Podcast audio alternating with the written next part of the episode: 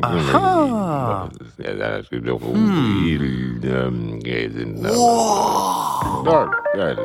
heel. Vzeto na znanje. Podcast Kemijskega inštituta.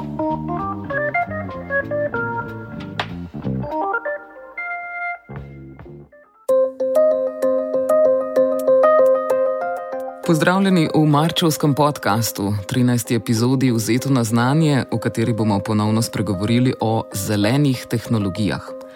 O tem zadnje čase poslušamo zelo veliko, ne le v sklopu prihajajoče cvetoče pomladi, ampak tudi na področju industrije, politike, transporta in druge. Pri teh visokoletečih besedah pa je dobro biti pazljiv, da ne pademo v past tako imenovanega greenwashinga, kjer so stvari le na vide trajnostne, predvsem v besedah, z namenom, da bi zavedli uporabnike. Zato, da bi določeni produkcijski procesi in izdelki dejansko postali bolj zeleni, pa bo po novem skrbel Razvojni center za brezoglične tehnologije, ki ga bo Kemijski inštitut vzpostavil v Zasavju. Center DUBT s polnim imenom Center za razvoj, demonstracije in usposabljanje za brezoglične tehnologije bo v prvi vrsti omogočal pospešitev prenosa znanja iz raziskovalnih enot v industrijo in komercialno uporabo. O načrtih, pomenu centra in zelenem prehodu smo tokrat spregovorili s profesorjem dr. Robertom Dominkom iz Kemijskega inštituta, ki bo v bodočem razvojnem centru vodil laboratorij za razvoj, pripravo in testiranje baterij. Za začetek je podrobneje razložil, čemu bo center namenjen. Že sama kratica, v bistvu jo ne smemo zamenjati s tisto nesrečno kratico DTB, ne, ampak to je DUBT, pomeni, da bomo v bistvu mi imeli demonstracije, učni center in v bistvu za nove tehnologije brezoklične družbe. Namen centra je v bistvu postaviti most med akademskimi inštitucijami in industrijo. V bistvu namen je pospešiti prenos znanja iz, na, od, od nas, ki v bistvu smo strokovnjaki na tem področju, do, do uporabnikov in obenem jih tudi izobraziti te uporabnike, kako se bodo nove tehnologije uporabljale, kakšne so prednosti novih tehnologij. Se pravi, omenil sem učni center, veliko bo poudarka na učenju, ne samo študentov, ampak tudi v bistvu zaposlenih v industriji, ki bodo se morali prešolati, priučiti novih veščin in novih spretnosti. Mikrolokacija centra še ni natančno določena. Zaradi časovnice projekta iščejo že zgrajeno stavbo, saj bi novogradnja zahtevala preveč časa in izvedbo projekta zamaknila preveč v prihodnost. Oprema v njej pa bo vseeno večinoma nova. Znotraj centra bosta delovala dva samostojna laboratorija: laboratorij za razvoj, pripravo in testiranje baterij ter laboratorij za reakcijsko inženirstvo pretvorb oglikovega dioksida in vodika. Predvidoma naj bi se delo v centru DUBT pričelo v začetku leta 2024. Kako pa je s partnerji pri projektu? Se ti že povezujejo med seboj? Kot raziskovalec sem povezan. Uh praktično za vso svetovno industrijo. Lahko se pohvalim z stalnim sodelovanjem zadnjih deset let s podjetjem Honda iz Japonske, lahko se pohvalim s sodelovanjem eh, z Renojem, eh, dolgotrajnim sodelovanjem z Renojem in v bistvu z njihovim razvojnim centrom v Parizu, eh, z Umikorjem, se pravi z njihovim centrom, razvojnim centrom v Belgiji. In vsi ti, vsi Vse ta podjetja eh, so dala, v bistvu, eh, in so izrazila interes, da bi sodelovala s tem centrom. Obenem pa seveda eh, mnogo podjetij iz Slovenije je izrazilo interes, praktično kogarkoli kontaktiramo, ga zanima sodelovanje, izražajo svoje želje in v bistvu tudi na osnovi teh želja, ki jih podaja industrija, delno prilagajamo opremo, ki jo bomo nakupili v centru. Zakaj pa ste za lokacijo izbrali prav za Savje, glede na to, da sodelujete oziroma boste sodelovali z različnimi svetovnimi partnerji? Zakaj prav za Savje, glede na to, da nekateri laboratoriji so že na voljo v Ljubljani? Ja, res je, laboratorij eh, za to osnovno, bazično znanost je na voljo je v Ljubljani, je eden izmed boljše opremljenih eh, na evropskem nivoju, eh, zaposluje nekje 30 nadobudnih raziskovalcev, od študentov na magistrskem nivoju ravni do doktorskih študentov in uveljavljenih raziskovalcev. Vendar ta del je premajhen in ko smo iskali možnost, kako bi v bistvu ta del nadgradili in v bistvu približali te raziskave bliže industriji, industriji se je ponudila priložnost v Zasavju. Ta priložnost je pogojena pa z sredstvi, ki jih je Zasavska regija dobila in ta sredstva so sredstva za pravičen prehod premogovniških regij. Pogoj za uporabo teh sredstev je bilo izgradnja nečesa, kar bo v bistvu nadomestilo premog, kar bo v bistvu zopet pokrivalo področje energetike, potem je pa še tu drugi moment. Uh, sam sem tudi Hrasenčan in uh, pač me poznajo v Zasavju. Ko so me kontaktirali, smo pač uh, začeli delati na tej idejni osnovi izgradnje centra in ta center je v lanskem letu dobil tudi v bistvu investicijo, ki je državnega pomena, se pravi, je zelo pomembna za celotno Slovenijo in tudi za celotno regijo, ker ta cent, takšen center je prvi, najbližji je nekje v, v okolici Minhna, pa tudi tja do Milana ni nobenega. Uh, eden manjši je recimo na Dunaju. Zakaj pa je industriji sploh v interesu sodelovati s Kemijskim inštitutom? Velika podjetja, posebej v tujini, so znana po tem, da imajo vrhunske razvojne oddelke. Slovensko znanje na področju razvoja baterijskih in vodikovih tehnologij je sicer vrhunsko in omogoča upeljavo novih tehnologij in procesov ter izdelavo novih izdelkov na tem področju. Slovenija s Kemijskim inštitutom na čelu v Evropski uniji vodi tudi S3 partnerstvo v okviru industrijske modernizacije s temo Napredni materijali za baterije za uporabo v mobilnosti in stacionarnih shranjevalnikih energije. Žal pa so trenutne na svetovni ravni najboljše predlagane tehnološke rešitve na nizki stopni razvitosti. Center bi tako omogočal prehod na višji nivo razvitosti, s tem pa tudi hitrejši prenos raziskav in razvoja naprednih materijalov v industrijo in v vsakdanje življenje. Ali, kot je rekel dr. Dominko, tudi recimo omenil sem Hondo. Uh, Honda, bil sem tudi v njihovih razvojnih laboratorijih, v njihov razvojni sektor, je, v razvojnem sektorju je zaposlenih 15 tisoč ljudi. To je več kot naša največja, naše največje podjetje v Sloveniji. Ne. Ampak še vedno so prišli v Ljubljano in so želeli sodelovati z nami. Zdaj, Potrebno se je vprašati, zakaj. Verjetno je zaradi fleksibilnosti majhnih, majhnih eh, organizacij, drugo zaradi določenega znanja, ki je tukaj prisotno, ki je unikatno, ki ga druge ni, določenega razumevanja. In uh, to so vse segmenti, zakaj tuja podjetja hočejo delati z nami. Trenutno imamo recimo tudi sodelovanje z Blue Solution, ki je član skupine Bolore. Bolore je pa v bistvu ena izmed najbogatejših francozov. In zakaj oni so prišli v Ljubljano sodelovati? Tega, ker, ved, ker vedo, da imamo določena znanja, ki jih ni v Franciji in uh, s katerimi se lahko pomagajo pri izboljšavi njihovih produktov. Verjetno je prihodnost ravno v tem, da se znanost poveže tudi z industrijo, da ne ostane samo na papirju. Znanost je takšna, bom rekel, lušna zadeva, ne, če se po domači izrazim, omogoča res da uživaš v delu, da se igraš, ampak eh, v končni fazi pa zelo dobro je videti, da nekaj narediš za skupnost, za družbo in eh, da pustiš iz, v tej znanosti nek pečat. Zdaj, nekateri so pač zadovoljni, da pustijo pečat v eh, številu študentov, ki jih izobrazijo, nekateri najdejo to zadovoljstvo v številu člankov, ki jih napišejo. Jaz ga trenutno iščem v smeri še prenosa znanja v industrijo. Glede na to, da se bodo v centru ukvarjali s tako imenovanim zelenim prehodom, je dr. Dominko pojasnil, na kakšen način bo tudi sama stavba, v kateri bodo delovali, energetsko varčna. Nesmiselno bi se bilo namreč ukvarjati z zelenimi tehnologijami, če jih ne bi mogli v praksi uveljavljati tudi sami. Ideja je pripeljati, uh, v bistvu biti energetsko popolnoma neodvisen. Kako to narediti? Danes so na voljo tehnologije. Um, en izmed pogojev je seveda tudi uporaba sončnih celic. Te sončne celice bodo vezane na shranjevalnike električne energije. Um, stavba bo načrtovana, da bo energetsko malo potratna, vendar pa so postopki proizvodnje, tukaj pa moram reči, da so dokaj energetsko potratni in mislim, da nam ne bo popolnoma uspelo biti energetsko neodvisen od okolice.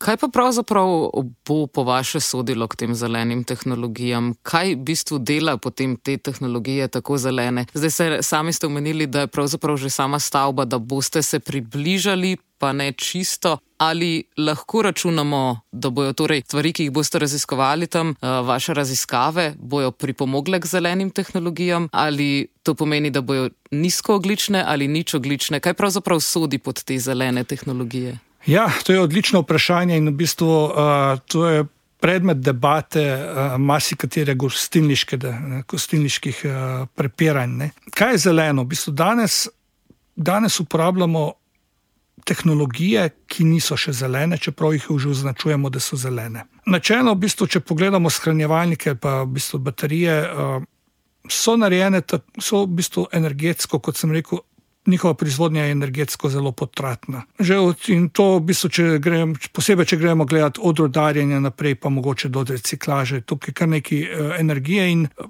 znani so podatki, kdaj se ta energija, koliko energije je potrebno vložiti noter, da se to nekako povrne, koliko krat moramo napolniti baterijo iz sončnih panelov, da to nekako postane zeleno. Ampak tukaj bi omenil, da te tehnologije so bile razvite za naše mobilne naprave, za naše mobitele, za prenosnike uh, in ta majhno elektroniko, in takrat nas to ni zanimalo. In tudi še danes ne zanima, ko imamo mobitel v roki, nas ne zanima, koliko energije je bilo. Potrošeno, da se je ta mobitel naredil ali pa eh, prenosnik. Na Kemijskem inštitutu se tega zavedamo in že nekje usmeritev leta 2010 je bila, da se pomaknemo malce bolj v smer tehnologij, ki niso tako energetsko zahtevne. In smo eh, v bistvu razvijamo smeri, so, eh, kjer je bi energijo lahko zmanjšali.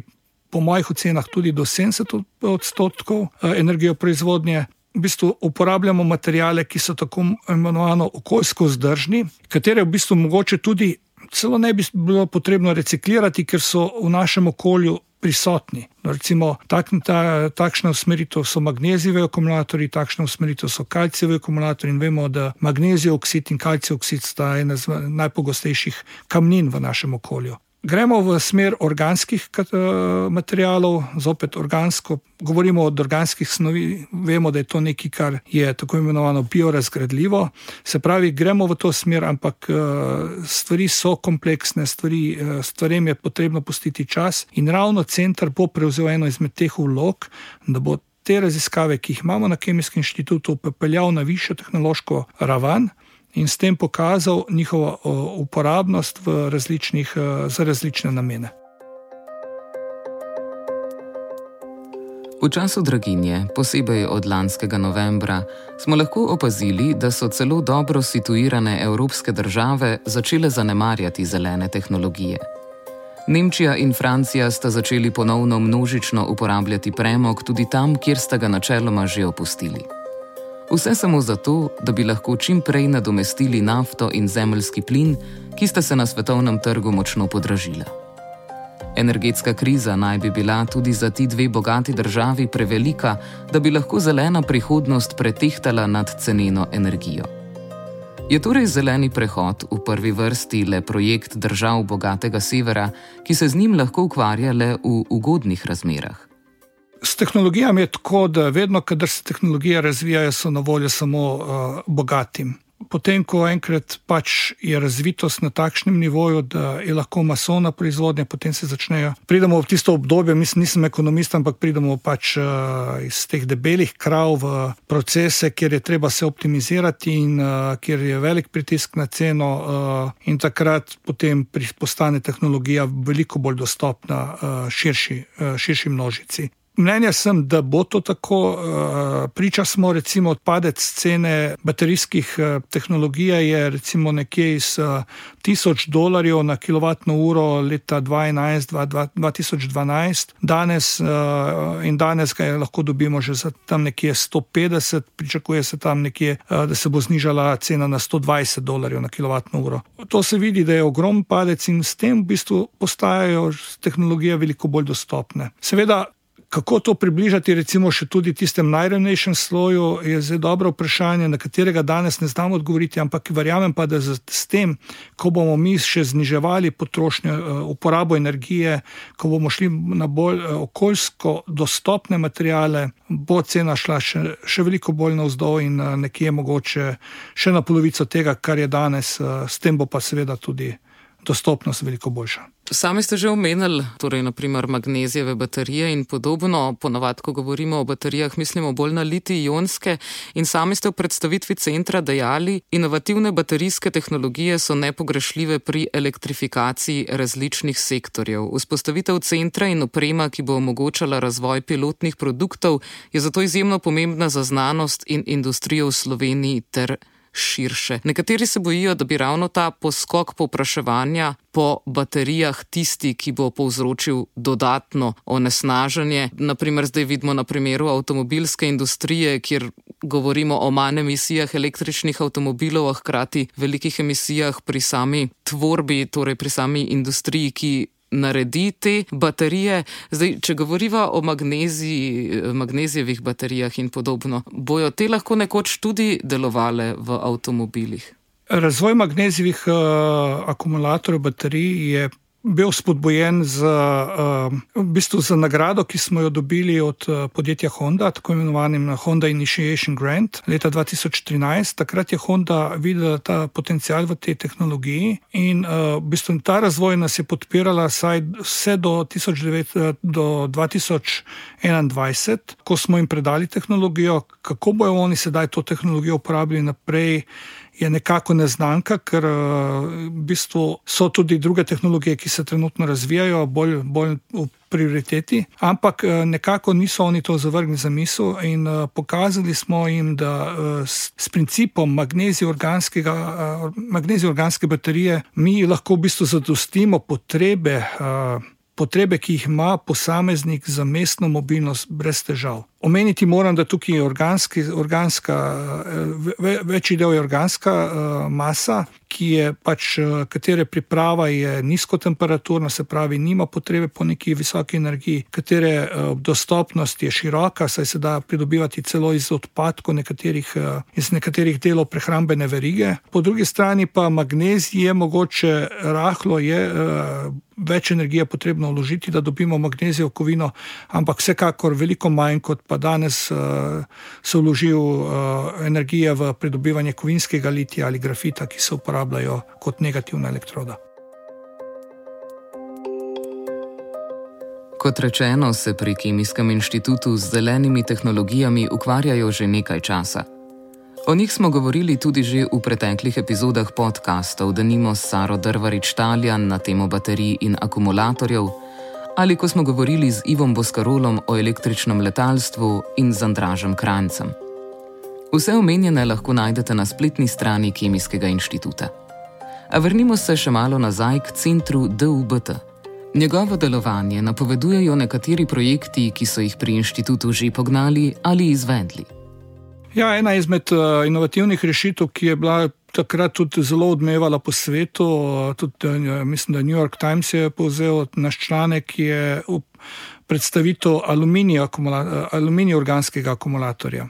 Ta aluminij organski akumulator, to praktično lahko vzamemo kuhinjsko folijo aluminijevo, na eno stran, na drugo stran določene organske komponente, ki so, kot sem že prej omenil, tudi lahko odpadek iz iz prehrambene verige in postavimo akumulator. Seveda, takšen akumulator vo, ne bomo mo, mogoče uporabljati za mobilnost, lahko ga uporabljamo kot uh, skladiščenje uh, obnovljivih verov, se pravi skladiščenje ali uh, elektrike iz veternih elektrarn ali sončnih elektrarn. No in tukaj se pa potem približujemo pa tistem, kar smo pa že prej govorili. Takšna cena takšnega akumulatorja, verjamem, da bi bila zelo primerna tudi za najrevnejši sloj našega planeta. Zdaj, konkretno cilj Evropske unije je postati brezoglična družba do leta 2050. Glede na to, da ste zelo upeti v to, kako hitro gre tehnologija naprej in kako hitro se lahko tudi upelje v industrijo, se vam zdi, da je to trenutno iz trenutnega stanja dosegljivo?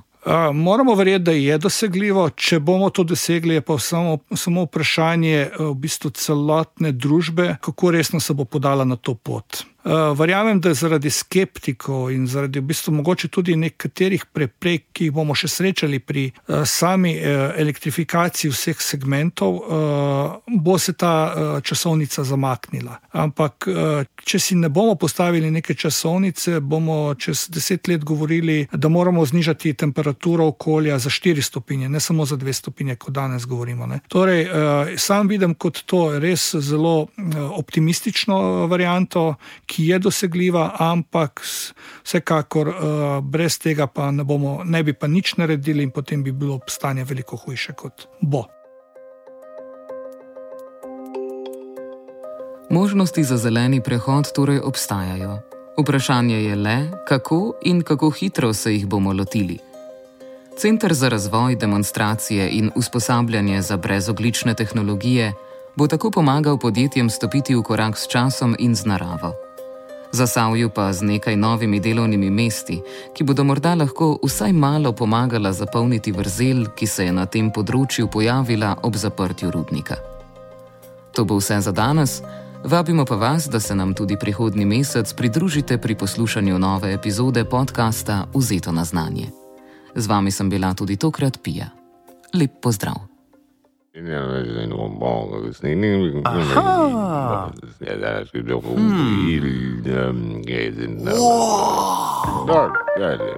Vzeto na znanje. Podcast Kemijskega inštituta.